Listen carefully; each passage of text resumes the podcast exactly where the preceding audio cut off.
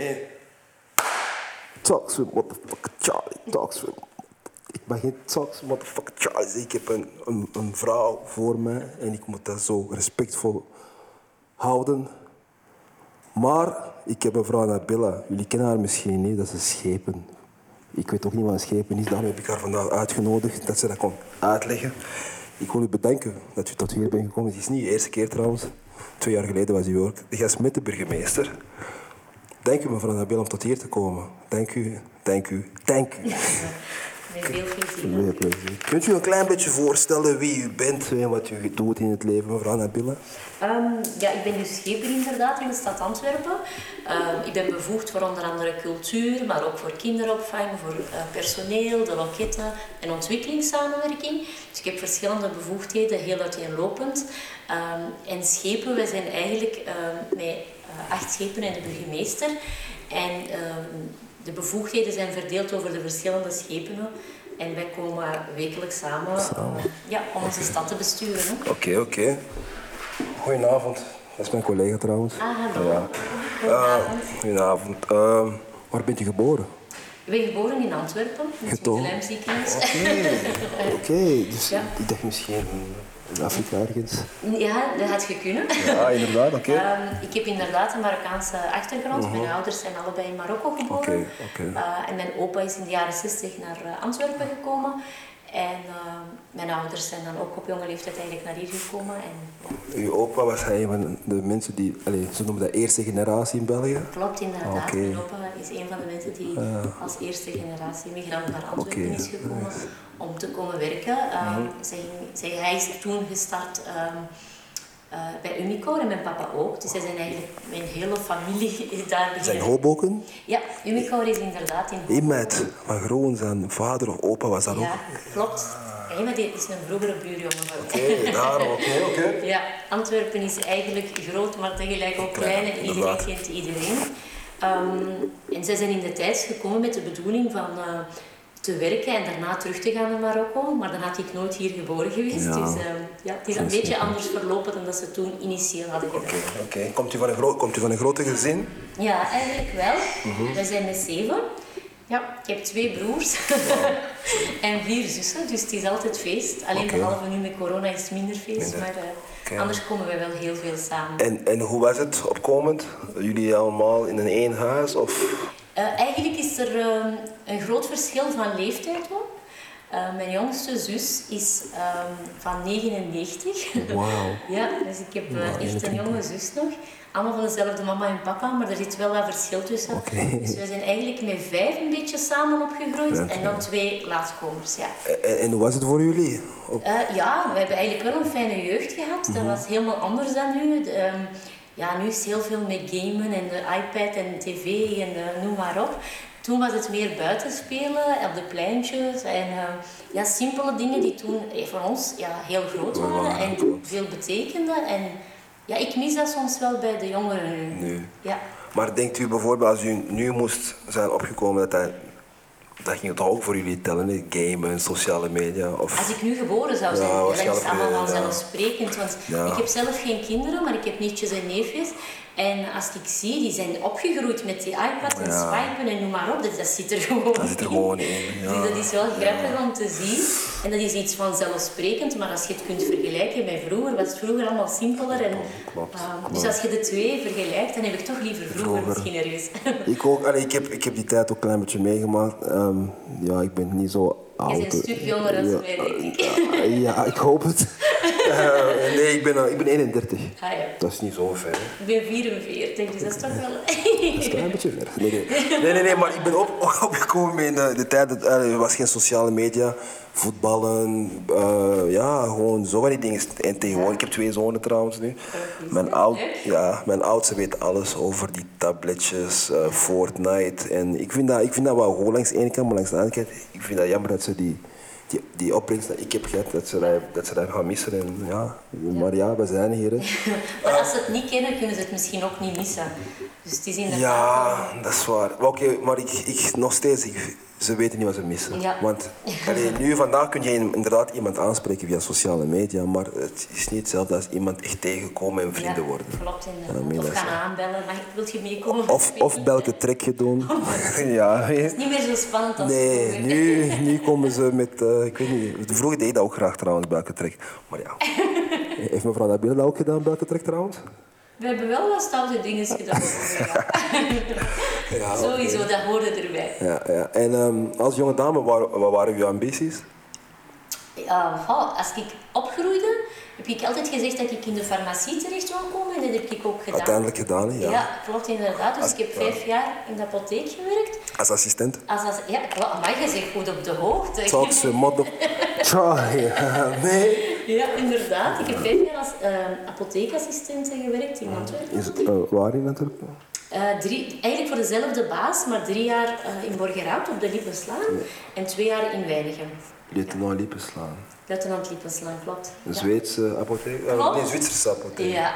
Ja, ja. Ja. Ik ken u niet. Zeker, ik ben onder de indruk. ik heb u goed voorbereid. Ja. En, Klopt, da- en, en daarna broodjeszaak, En daarna broodjeszaak, klopt. En heb ik, ehm, ja, ik wou dan ondernemen. En eh, ik ben een broodjeszaak gestart op het Zuid. Mhm. Ehm, negen jaar eigenlijk, tussen 2005 en 2014. Oké.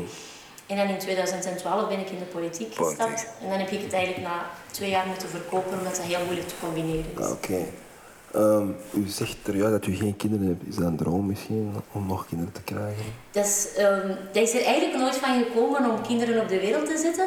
Ik heb altijd wel gezegd dat ik geen kind wil adopteren. En dat kan misschien nog wel komen. Ehm, Amen. Ik vond dat er nog veel weeskindjes waren. En ik had altijd gezegd van ja, ik zou wel een kind willen adopteren. Hopelijk was dat geen ongepaste vraag natuurlijk. Nee, er zijn geen ongepaste nee, nee, gewoon voor de zekerheid. Oké, eh, En maar- nu gaat het nog helemaal het antwoord misschien. Stel u voor. Nee, ehm, ehm, uw schoolparcours, dat is, dat is één ding dat ik ben vergeten te vragen. Hoe was uw schoolparcours? Eh, Mijn schoolparcours eh, in Antwerpen ook. ehm, SM9, dat is nu van naam veranderd. Ja. Dat is op het Kiel eigenlijk. Oké. Ehm, dat is nu, ik denk Olympiade, oké. ja. En dan Jan de Voslij is, ehm, eh, ja, vroeger noemde hij de Pest, maar dat is nu ook Stedelijk Lyceum geworden, dus ja. al die namen zijn een beetje gewijzigd. En ik heb apotheekassistenten gedaan aan de Mercatorstraat. En uiteindelijk afgestudeerd. Ja. Oké. En, en daarna ook nog in allee, hogeschool te doen? Nee. Dat was... Nee? Dat was apotheekassistent, dat was het, ene, het laatste wat ik gedaan heb. Ja, zo, zo, zo. En uiteindelijk afgestudeerd, direct apotheekassistent geworden en dan broodjeszaak en dan politiek. Maar hoe komt het dat u dan bij politiek bent terechtgekomen? Ehm, ja, ik woonde toen in uh, Deurne. Dus ik woonde in Deurne en ik wou me eigenlijk eh, engageren om eh, in Deurne iets te gaan doen eh, binnen jeugdwerk eigenlijk. Maar binnen de politiek. Ik wou iets betekenen voor de jongeren eh, in Deurne. En ik had een gesprek met iemand, eh, alleen een vriendin van mij en haar echtgenoot ondertussen. Eh, en zij zei van ja, ik ga u in contact brengen met iemand. Ik zeg, ah, dat is wel interessant, ja, laat maar komen. En zij regelde toen een afspraak met Lisbeth Homans. en wie is dat? Lisbeth Homans, kent je Lisbeth Homans? Ik ken, oei. ja, ik ken, ik ben, daarom bent u hier, ik ben naar school. Dat is eigenlijk ehm, voorzitter van het parlement nu, maar zij is ook schepen geweest. Zij heeft ook in het parlement gezeten. Ehm, en zij is ehm, ja, een van de leading ladies binnen NVA eigenlijk.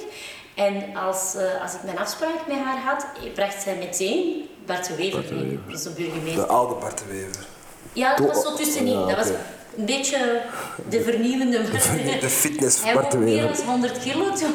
Hij was Maar onderweg. het ging al de goede richting Ja, oké, uit. oké. ja. Ehm, en hij- dus ik had een gesprek met beiden. En dat was een fijn gesprek. En dan eh, is het eigenlijk allemaal heel snel gegaan. Mhm. Dan kwamen de verkiezingen eraan in ehm, oktober 2012. En dan was ik, had ik een eh, vijfde plaats gekregen op die lijst. En dan ben ik meteen eigenlijk verkozen en was ik meteen schepelijk. Dus ik ben in 2013 meteen als uh, Schepen. kunnen starten. Ja. Kon u ook voor een ander, eh, is hier iemand anders van een andere partij die u heeft aangesproken? Waarom heeft u specifiek voor N-VA gekozen? Omdat ik me eigenlijk goed voelde wel eh, bij de partij. Ik denk als, iemand, als eh, de persoon in kwestie mij in contact had gebracht met, een, zeg maar iets PVDA of, eh, Of Vlaams Belang? of Vlaams Belang, dan had ik dat niet gedaan. En ik kon mij wel vinden, allee, ik kan mij nog altijd vinden in de partij, eh, met, ja, de zaken waarvoor dat we staan eigenlijk, hè, wat we willen in de samenleving. Corrigeer me als ik verkeerd ben. Hè. Was Bart Wever niet vroeger een deel van Vlaams Belang of Vlaams Blok? Nee, Nee? nee ehm, dus je hebt de Volksunie Ja. en eigenlijk is de volks, had je eerst Volksunie en daaruit is eigenlijk NVA. Oké. Eh, maar Ik weet niet van waar ik dat heb. Van dat dat eh, gebeurt nog, dat die verwarring... eh, Oké, dat is niet, ik ben niet de... e- ja, niet de oké, eerste. Oké, dat is... Oké. Nee. Oh, gelukkig. Ehm, nee, dus u hebt voor de NVA gekozen. En NVA, ehm, ik ben ook... Ik weet niet zoveel over politiek en daarom heb ik dat graag dat er een politieker tegenover mij staat, dat ze mij kunnen scholen. Eén ding over politiek dat ik, dat ik zo echt aan wil werken is onderwijs. Ik kom terecht in BSO bijvoorbeeld. En op mijn 18 of 21 verwachten ze dat ik moet stemmen. Maar mijn hele parcours heb ik eigenlijk nooit niks over politiek gezien. Of ik weet eigenlijk amper iets, tenzij ik zelf ga studeren. Maar ja, weet je, ik heb... Ja, dat is eigenlijk jammer, want je zou ehm, op jonge leeftijd eigenlijk meer over politiek moeten eh, krijgen in alle richtingen. Zowel in het ASO als in BSO of TSO zou je eigenlijk voldoende info moeten krijgen over politiek en wat dat juist inhoudt. Ik vond zelf, ehm, ik zeg dat ook altijd, als, ehm, als ik jong was, vond ik politiek iets voor saaie oude mensen. Ik ook. En, en dat je in, in de politiek ging stappen als je op pensioen ging of als je toch al een stuk ouder was. Ehm, maar achteraf gezien is het belangrijk dat we eigenlijk jonge mensen hebben eh, in de politiek en dat we ook een divers, dat ons, eh, de mensen in de politiek ook divers zijn van allerlei eh, afkomsten, Afkomsten. en allerlei leeftijden. En dat is ehm, ja, belangrijk en er moet eigenlijk meer aandacht aan gegeven worden ehm, tijdens het onderwijs, tijdens de jaren dat je op school zit inderdaad. Misschien moeten we dat als suggestie meegeven voor het leerplan. Ja, ik, ik hoop, ik hoop dat ze... Er zijn veel meer dingen, hè, zoals die muziek, emo bijvoorbeeld. Ze gebruiken nog blokfluit en op baritoon. vandaag. Muzikale opvoeding, Ja, die ja. emo, blokfluitje. Niet, allee, Dat vond je niet goed. ik vond dat niet goed, maar tot deze dag doen ze het nog steeds. Dus Ja. terwijl dat je, als je een klein beetje moderner gaat, dan kun je bijvoorbeeld ja, hip-hop lessen geven of zo, of jazzlessen, Ja. ik weet niet, zo van die dingen. Ja, bij ons heet het, allee, vroeger noemden we dat plastische opvoeding. ik. PO, Dat was, ja, ja, PO. En dat was ook wel heel gevarieerd, maar dat moet inderdaad mee evolueren, Evolueren. in een tijd. Ik weet wel dat ze bijvoorbeeld over politiek spreken in bepaalde... eh, in ASO-scholen spreken ze wel over politiek, want ik heb bijvoorbeeld op eh, verschillende scholen eigenlijk een uitleg moeten gaan doen. Maar van- BSO niet, Nee, dat is jammer. Eigenlijk zou zou Maar perfect die- in alle... die worden wel verwacht om later te stemmen. Te stemmen, en wat doen ze dan? Wat ik ook heb gedaan trouwens, en ik heb geen BSO-richting gevolgd of zo, maar eh, de meest allochtoonse naam. Oei, dat is niet goed. Dat is niet goed, maar dat is als je geen kennis hebt. Ja. Bijvoorbeeld, wat ga je dan doen? Wie ga je dan, op wie ga je stemmen? Ja, je moet eigenlijk een uitleg krijgen over de verschillende partijen, voor waar staan ze voor. En op die manier moet je eigenlijk eh, stemmen. Ja, daar Daarom talk dus ze aan motherfucking. Charlie. Ja. Daar moeten we Nee. inderdaad aan werken. U, u, uw functie bij NVA, of als schepenen, sorry, Ja? jeugd, cultuur, Nee, Kind- jeugd heb ik gedaan in de vorige Oh, legislatuur. Dus nu doe ik cultuur, cultuur, kinderopvang, Ja, personeel. dierenwelzijn, had ik ook Ja, ook in de vorige legislatuur. Ja. Ja, dus in de vorige legislatuur deed ik jeugd, dierenwelzijn, leefmilieu, ehm, leefmilieu. Heb ik, ik heb dat hier opgeschreven. Leefmilieu, dierenwelzijn. In de vorige In de legislatuur. vorige, vorige ja. Ja, en nu doe ik cultuur, personeel, kinderopvang, ontwikkelingssamenwerking en de loketten. Ja, loketten. Ja. En dat betekent dat u eigenlijk het eindwoord hebt. We zijn politiek bevoegd voor die ehm, verschillende eh, bevoegdheden. En we zijn eigenlijk als college ook bevoegd, dus de eindbeslissing gebeurt collegiaal. Mhm. Ehm, voor sommige zaken. We hebben ook natuurlijk een hele administratie achter ons, dat is een bel eigenlijk. Ja, oké, goed. Ja, natuurlijk. Ik voor CAW trouwens. Ah, dus Dus- dan kent je er wel Ja, ja. ik ken, ik ken er wel een paar Ja. dingen. Ehm, ja, en elke week nemen wij bepaalde beslissingen. ehm, Onder andere subsidies. Bijvoorbeeld, inderdaad. Dus je hebt eigenlijk het begin van de legislatuur. Dus als je, gelijk nu ehm, zijn we de verkiezingen van 2018. Dus dan 2019 start je eigenlijk in de vorige legislatuur, omdat je anders niet gestart Nee, geraakt. En dan maak je een plan voor zes jaar. En dat is je ehm, meerjarenplan. En daarin worden subsidies vastgelegd, bedragen vastgelegd, waar je eigenlijk gedurende de zes jaar gaat inwerken.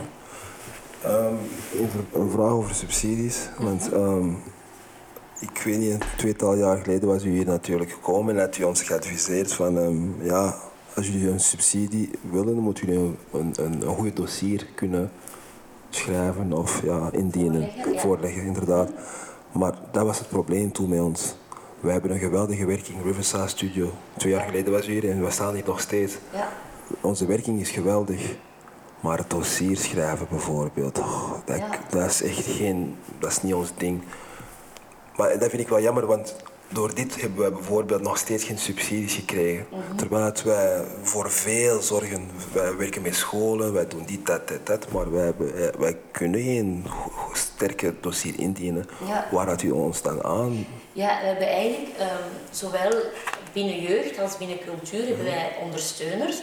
Dat zijn eigenlijk onze medewerkers eh, die op de administratie werken en die eigenlijk mee begeleiden ehm, om uw dossier allee, zo goed mogelijk te kunnen indienen. Zij kunnen natuurlijk niet voor u het dossier gaan schrijven, maar zij kunnen u wel aandachtspunten geven of zaken die je zeker moet meenemen in uw dossier. Daar ehm, zijn die mensen ook voor, om zoveel mogelijk vragen eraan te stellen, om een sterk dossier te kunnen indienen, waardoor dat je dan recht kunt maken op je subsidies. En zowel ehm, binnen eh, jeugd zijn er heel veel subsidies die verdeeld worden, als binnen cultuur. Ja. Want eh, om een idee te geven, eh, cultuur is eigenlijk een van mijn grootste bevoegdheden. En als we kijken naar het eh, werkingsbudget dat we eigenlijk voorzien hebben over de, de zes jaar, gaat het over 180 miljoen euro. En als je gaat kijken naar investeringsbudget, is dat 110 miljoen euro. En nu ook met corona hebben we eigenlijk een speciale eh, extra fonds gecreëerd. Dat is 4,2 miljoen euro dat gebruikt wordt om mensen terug te laten opstort, eh, opstarten nu in deze moeilijke periode. Dus er zijn wel eh, wat middelen. En ik denk dat het belangrijk is dat je wel je dossier zo goed mogelijk schrijft en dat je er dan wel gebruik van kunt maken. Ja, dat is, dat is, maar nee, ondertussen zijn er een paar in onze werking die opleidingen zijn aan het nemen om ja, gewoon deftig een, een dossier te kunnen schrijven, bijvoorbeeld. Het is Ik- belangrijk, dat is echt heel belangrijk. Ja. We hebben ook wel goede mensen die u erbij begeleiden, dus je staat er niet alleen voor. Ah, ik ben zijn naam, Robbe van Bogaert of zoiets. Robbe. Robbe, hij heeft ons ooit eens geholpen. Ja, Maar dat was zo laat, last minute. En hij zei wel, dat van jou in de toekomst, als jullie dat willen, ja, maar ja, we moeten hem contacteren, ja, denk ik. ja inderdaad, Robbe eh, van de jeugddienst Ja. ja. en Christel ook bij de jeugddienst. Maar ook binnen cultuur heb je Karen en Lisbeth. Dus er zijn echt verschillende mensen die, eh, Die die er zijn om jullie te helpen, Ja, absoluut. ja, ja. Oké. Ehm, ondervindt u discriminatie als schepen? Ja, ik ga niet zeggen dat discriminatie niet bestaat. Ehm, ondervind je dat? Ja, je ondervindt dat. En dat is niet per se ehm, ehm, dat dat van blanke mensen naar mij toe is of zo, maar dat kan evengoed Van man zijn... naar vrouw. Van man naar vrouw bijvoorbeeld. bijvoorbeeld, Ja, ja. of eh, binnen uw, eh, ja, eh, andere mensen met Marokkaanse afkomst die u toch, eh, ja, toch niet moeten om de een of andere reden en dan eigenlijk een opmerking maken die misschien dan minder gepast is. Binnen uw functie bedoel Binnen mijn ja. functie, er zijn mensen die bijvoorbeeld vinden, ehm, omdat ik een Marokkaanse afkomst heb, dat ik dan eigenlijk niet Niet in verdien. NVA zou zitten, moeten zitten. En waar dan wel? Ja, goede vraag. Dat heb ik ook al gevraagd, maar zij vinden, ja, zij bestempelen soms de NVA als racistisch of fascistisch zelfs. En dat ik daar niet thuis hoor. En die mensen vinden dat zij dat beslissen voor mij. Dus op die manier kom je wel in aanraking met misschien minder leuke situaties. Maar ehm, in de politiek leert je ook een olifantenhuid te kweken. En op een duur is die al zo dik, dus ik kan wel tegen een stootje. Maar dat is natuurlijk niet fijn als je opmerkingen krijgt en je moet je heel de tijd ehm, gaan weren of eh, verdedigen. Dat is niet fijn, want je krijgt vooral als er, als er iets slecht loopt of verkeerd loopt, dan gaat, allee, of, of ze zijn niet tevreden, of, dan gaat je dat door, maar je gaat nooit zomaar complimenten krijgen van Nabila, je bent goed bezig, je Nee. doet dat goed. Dat gaat er minder horen. Oké, Ja. ja. Ik word geschoold, hè, Scotty? ja, ik word ges- geschoold. Eh, Heeft u te maken met discriminatie? Of mag ik geen vragen Nou, u mocht alles doen wat u wilt. This is Talks with motherfucking Charlie. Dus ik mag wel vragen ja, maar ik, eh, Ja. vol een bak. Ik, eh, ehm, meer eh, racistisch dan, zou ik zeggen. Maar eerlijk gezegd, dat was, dat was echt jaren geleden. Ik, ik, ik, moest, ik betaalde een boete ervoor trouwens. Ik zat op een bus. Ik woonde in Limburg. Ehm, dat is echt... echt Oei, ja, mijn, mijn zoontje, ik ben daar ook terechtgekomen. Hoe, weet ik ook niet. Maar ik ben daar terechtgekomen. En ik zat op de bus van Echter. En in die periode was Genk heel goed bezig. Racing Genk. Eh, En de chauffeur en een, eh, ja, een passagier of eh, een, een, ja, hoe, hoe noem je iemand die op de bus zit? Een passagier. passagier, dus. Busreiziger? Bu- busreiziger. En die waren gewoon aan het praten over voetbal. Maar positief, allez, eigenlijk bedoelt ze het positief. En de chauffeur zegt, ja, die neger daar van eh, Genk, echt een topper, dat- maar ik hoor dit. En u bent de enige Afrikaan, de enige donkere persoon op de bus. Iedereen draait zich om naar u van, hoort je dat ook? Dus I wanted to be the big man. Ik ben naar hun gestapt. Ik heb gezegd, joh, met alle respect, je weet het, ik Ja. begrijp dat u dat niet zo bedoelt, maar dat woord is niet plezant. En de passagier draait zich om, duwt mij. Maar u weet, de bus heeft palen en zo. Hè. Ja. Dus ik pak één paal vast en ik duw mij terug naar hem. En ik moet boete betalen. Ik moest zijn boete betalen. Eh, nee, ik moest schadevergoeding betalen voor wat ik bij hem heb gedaan. En, maar dat was niet... Dat is niet en, en ik heb spijt, want jij, jij reageert nooit met geweld. Nee, vechten is nooit vechten is nooit een oplossing. En nogmaals, en woorden zou u eigenlijk niet moeten kwetsen, vind ik persoonlijk.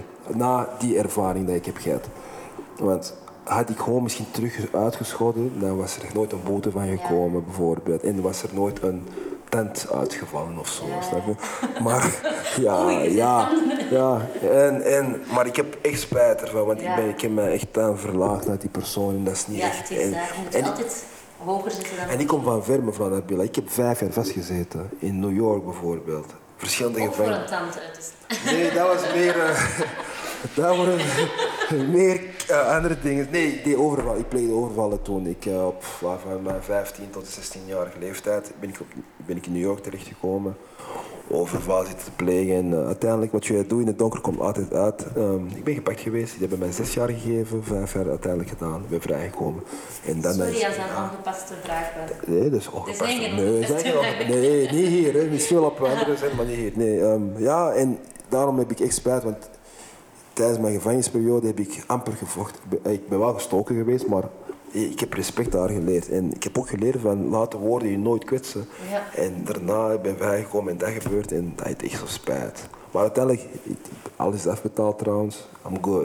Ik moet er niks mee Het is fijn betalen. om te horen. Ja, ja, dat is fijn. En in een, allee, dat is fijn om te horen dat het ehm, ook op een positieve manier heeft bijgedragen tot wie dat Natuurlijk, hè? natuurlijk, natuurlijk. En ik, ik doe deze job. Allee, ik ben jongerenbegeleider. Ik probeer de jongeren op de juiste pad te houden. Ehm, ik vind ook dat mijn platform nu, Talks with Charlie, is gewoon eigenlijk een link met wie ik vroeger was.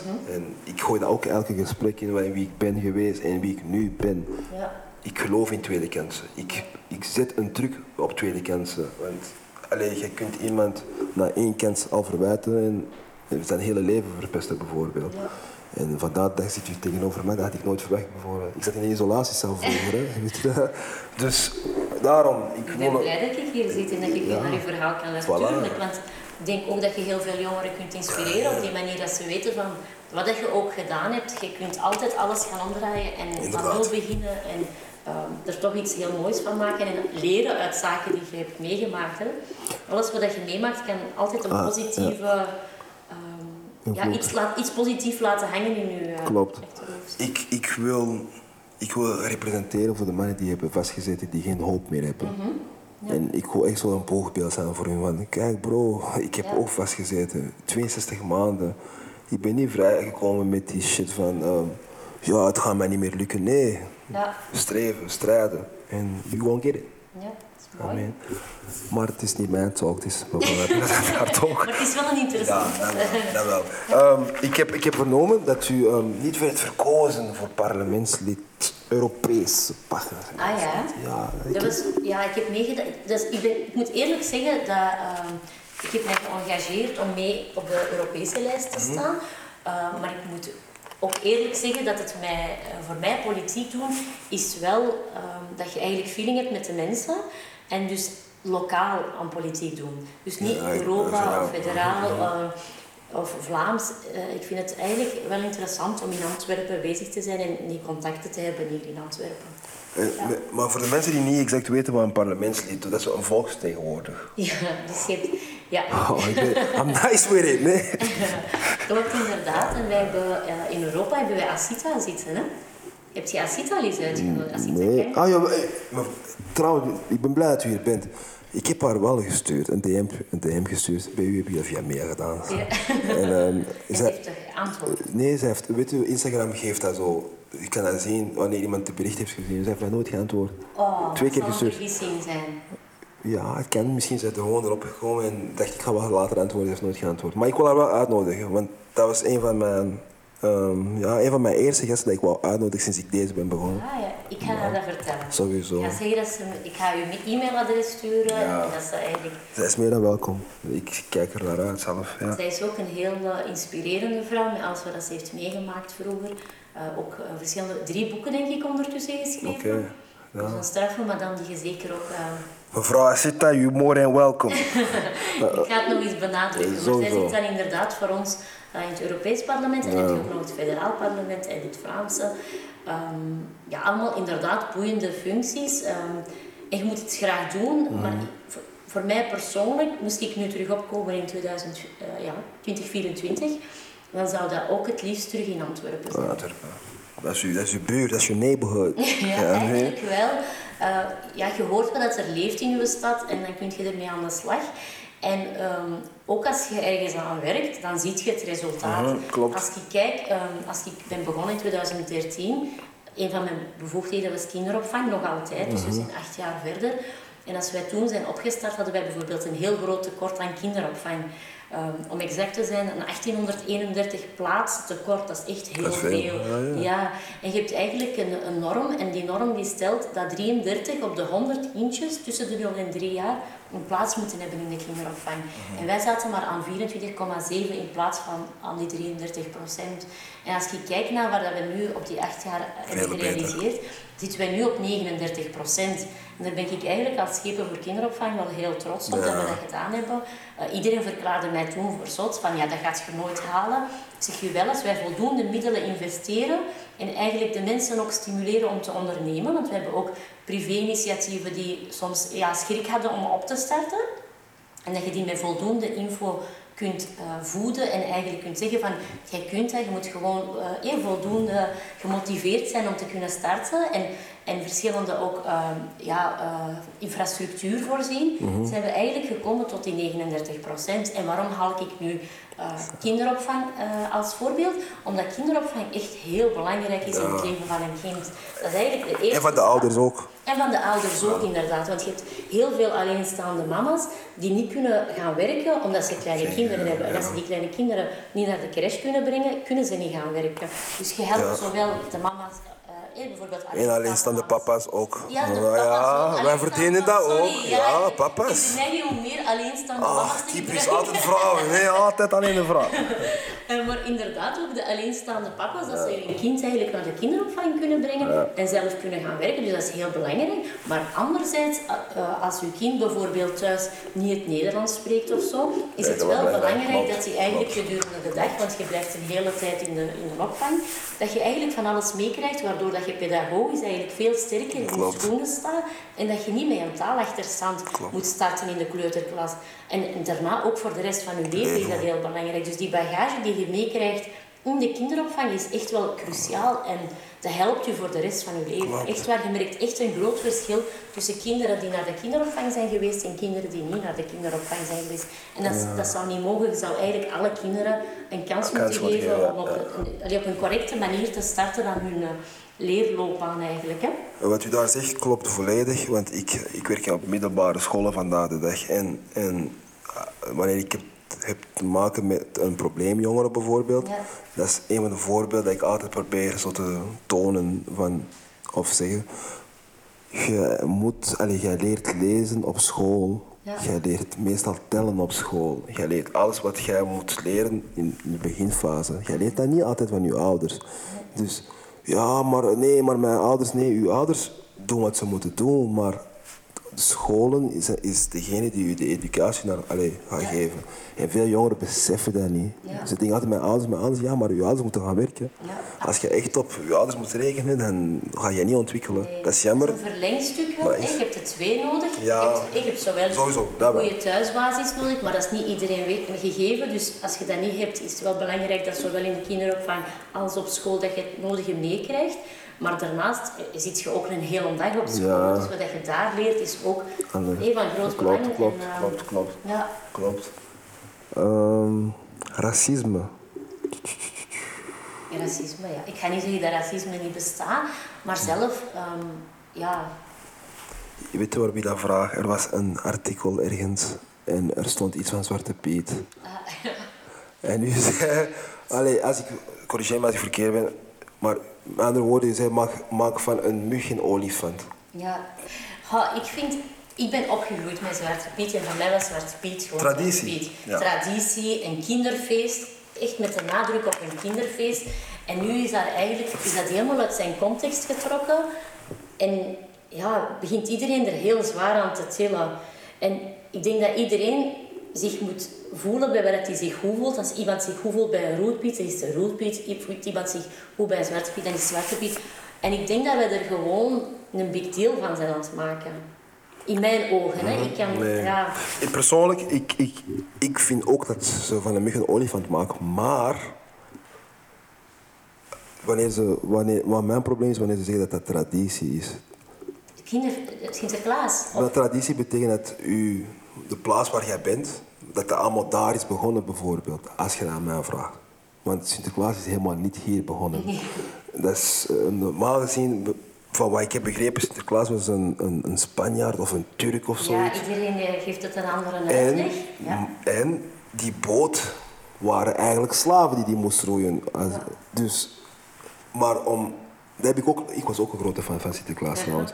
Ik heb mijn vader gepakt. nu niet meer? Hell no. Ik heb, mijn, ik heb mijn vader gepakt om zes uur s morgens een cadeautje aan inpakken. Dat is toen ik zeven, zes jaar was. Ah, oei. En toen ik zei, ah, jij bent... Maar later ben ik ook gewoon te weten gewoon van... Oké, Sinterklaas was nooit een Belg. Sinterklaas, eh, die mannetjes, die zwarte pieten. Nog iets. Als ik door een schoors, als u door een schoors ga, wordt het toch niet zwart. Nee, dan ben ik een roodpiet. Hè. Voilà. En, Ja. is, met andere woorden, voilà. ehm, ik heb liever een roodpiet. Ja, maar ik vind nu niet dat wij bijvoorbeeld alle boeken rond Sinterklaas en Zwarte Piet moeten gaan veranderen in Roodpiet. Dat vind ik weer drastisch. De Ik denk dat dat wel zo gaat evolueren Ja. en dat er gewoon geen boeken niet meer gaan uitgebracht gaan worden Ja. met Zwarte Piet. Dat wel, maar ja, Wat betekent knecht voor u? ja Knecht is, heeft in, in, in Sinterklaas en Zwarte Piet heeft dat voor mij ja, geen zware betekenis. Maar als je inderdaad over knechten gaat spreken, apart los van Sinterklaas en Zwarte Piet, heeft dat een negatieve En toevallig is Zwarte Piet zwart. ja, toevallig. Ja, ja. Nee, maar dat is, weet je, ik, ik ben volledig mee eens. Maar je kunt dat met veel zaken. Allee, want er zijn echt tradities die... Want je wilt dat geen traditie noemen, omdat je zegt van... Sinterklaas en Zwarte Piet zijn eigenlijk niet van ons, of niet eens. Slavernij is ook traditie. Ja, Als u dat toch zo... I mean, Ja. Slavernij is eigenlijk in principe traditie, want dat zijn dingen die ook... Maar de racisme... eh, en Oké, dat was één reden waarom ik dat ook gewoon die vraag wou stellen. Maar wat vindt u van hoe ze racisme aanpakken in België bijvoorbeeld? ja in mijn ogen kan racisme absoluut niet Nee. door de beugel. En elk geval van racisme is er één te veel. En moet je daar echt korte metten mee maken. Dat is niet alleen mijn eh, opinie, maar ook echt van, van ons heel bestuur. Hè. Zowel van de burgemeester als mijn collega's. Ehm, niemand van ons tolereert dat. Dat mogen we ook niet tolereren. Dat moet jij ook niet tolereren. Je moet dat aangeven, daar moet je mee aan de slag. En ja, het kan absoluut niet door de beugel. Ik denk dat, dat we het daar wel allebei over eens zijn. Eh, dat dat nog gebeurt helaas, ja, absoluut. Dat is jammer, inderdaad. Welke raad, allee, wat voor, welke raad zou u geven aan, aan, aan een jongere die vandaag racisme meemaakt? Hoe moet hij dat aanpakken?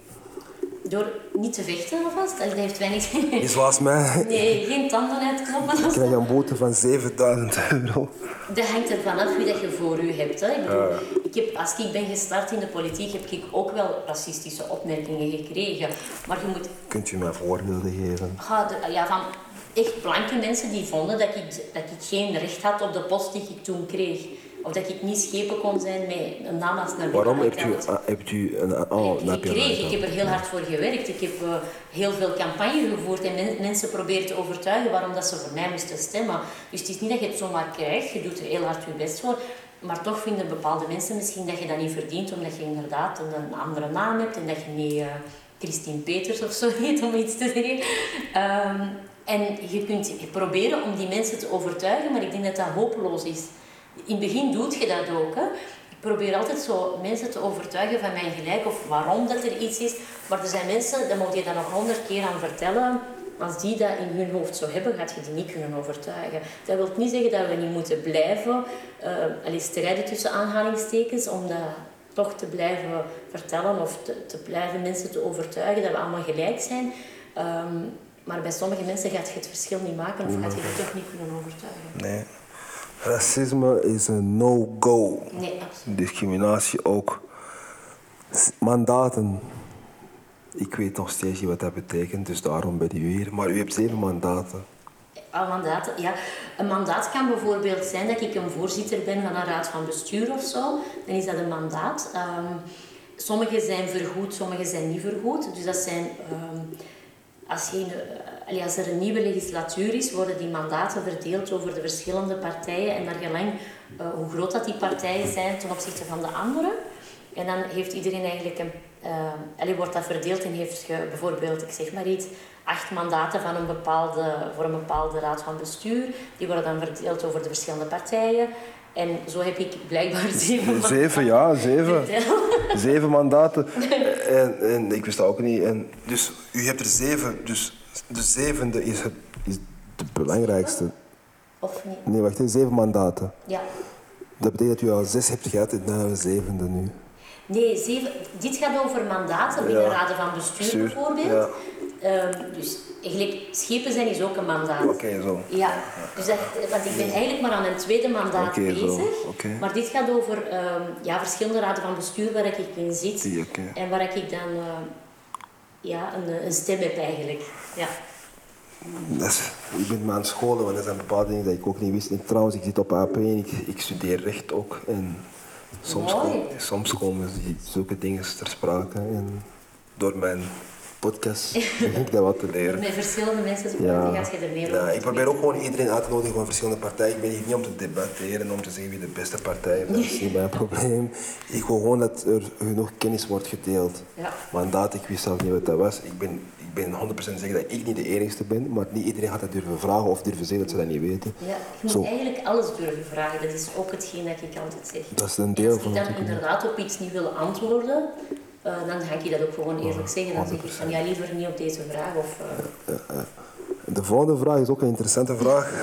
ik ben, um, als ik rondrijd of rondwandel of op de tram, zie ik honderd keer Congo. Ah ja. Dat is een project. En ik ben ook Congolees trouwens. Um, dat is een project dat uh, mijn, mijn neefje, de zoon van mijn nicht, hij is een gids bij de MAS. Ook iemand van NVA trouwens, -hmm. Randy. Ik weet niet of je ja, Randy. Um, en die zijn met die project begonnen, maar wat vindt u van die project en weet u wat die project exact inhoudt? Ja, 100 keer Congo. 100 keer Congo, ja. Ja, 100 keer Congo is eigenlijk een tentoonstelling in het MAS. Um, dat is een heel gevoelige tentoonstelling.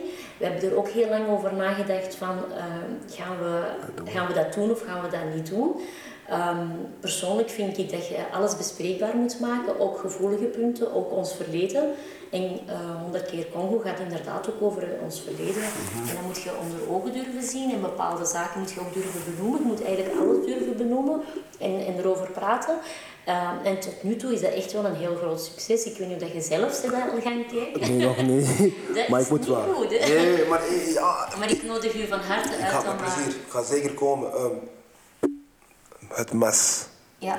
Ze hebben toch handen op hun muurtjes daar. Ja. Van waar komen die handen?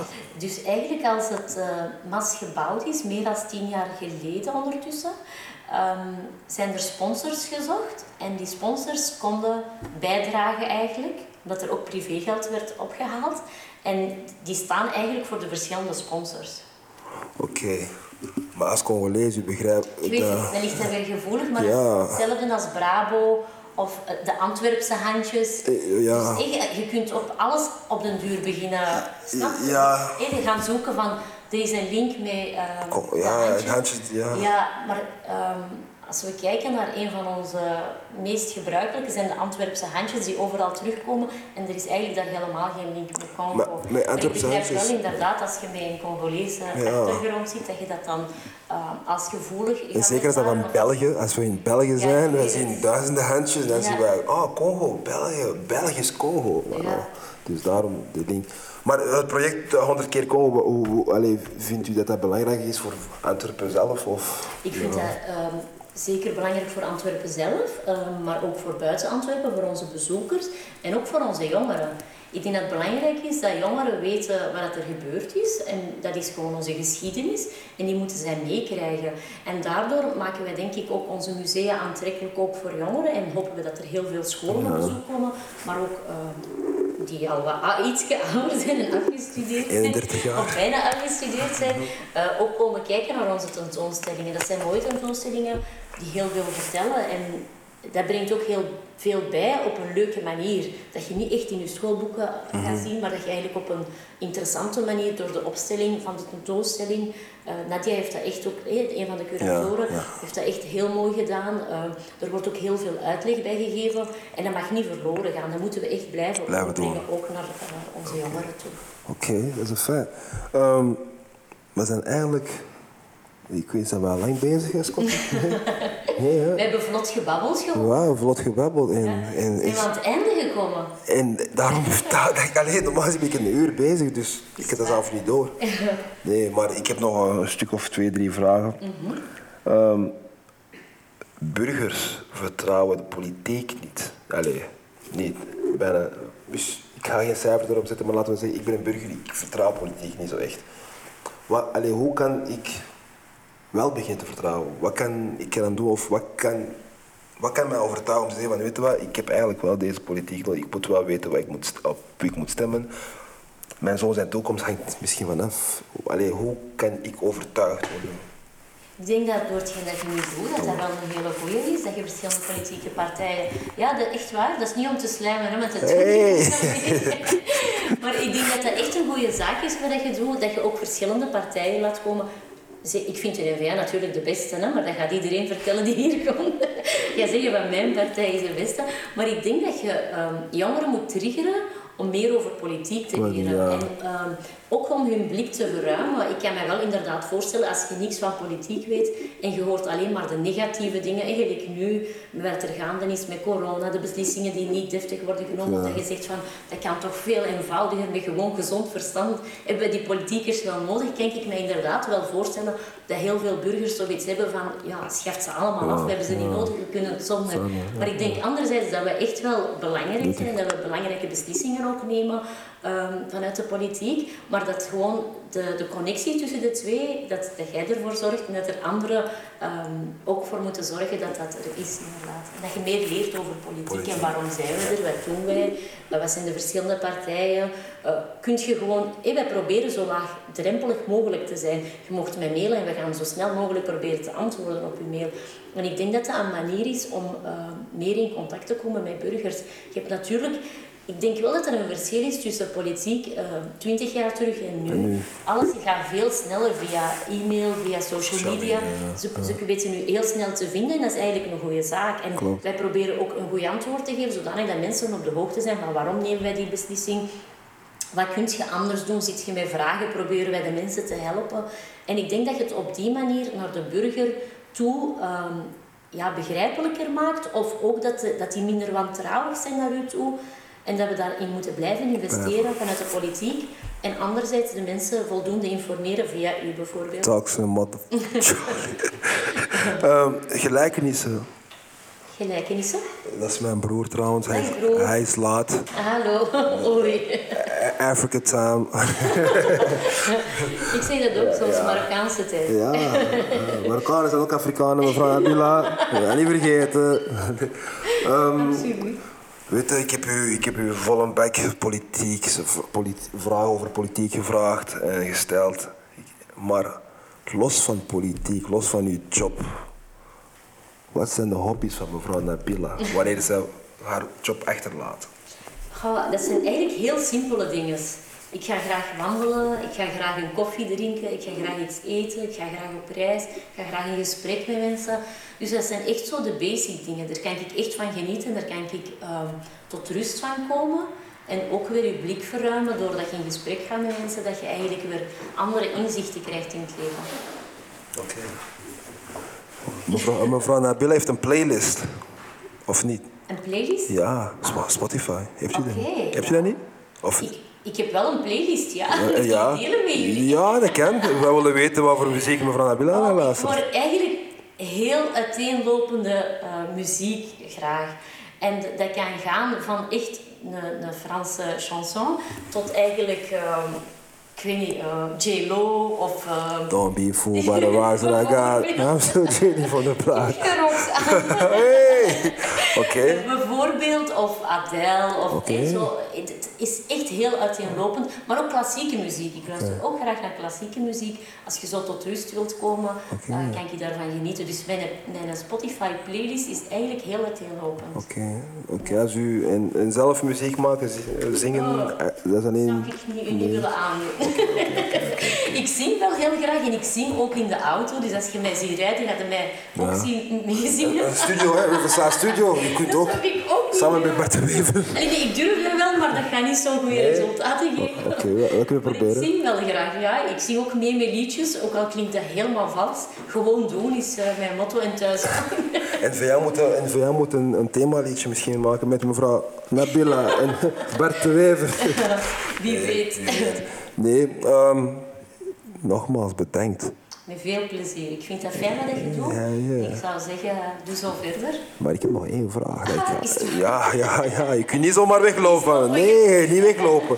Nee, ik vind het heel aardig, maar ik zou zeker niet weglopen. Ik heb er tijd voor vrijgemaakt. Inderdaad, en daarom ik apprecieer het enorm. En ik, ik, ik ben echt een dankbare gast, want u moest dit niet doen. Nee, nee, nee, maar ik doe dat echt met veel plezier. En ik vind het ook tof wat jij doet, dus ik zit hier echt met heel... Riverside Studio, Talks with Charlie.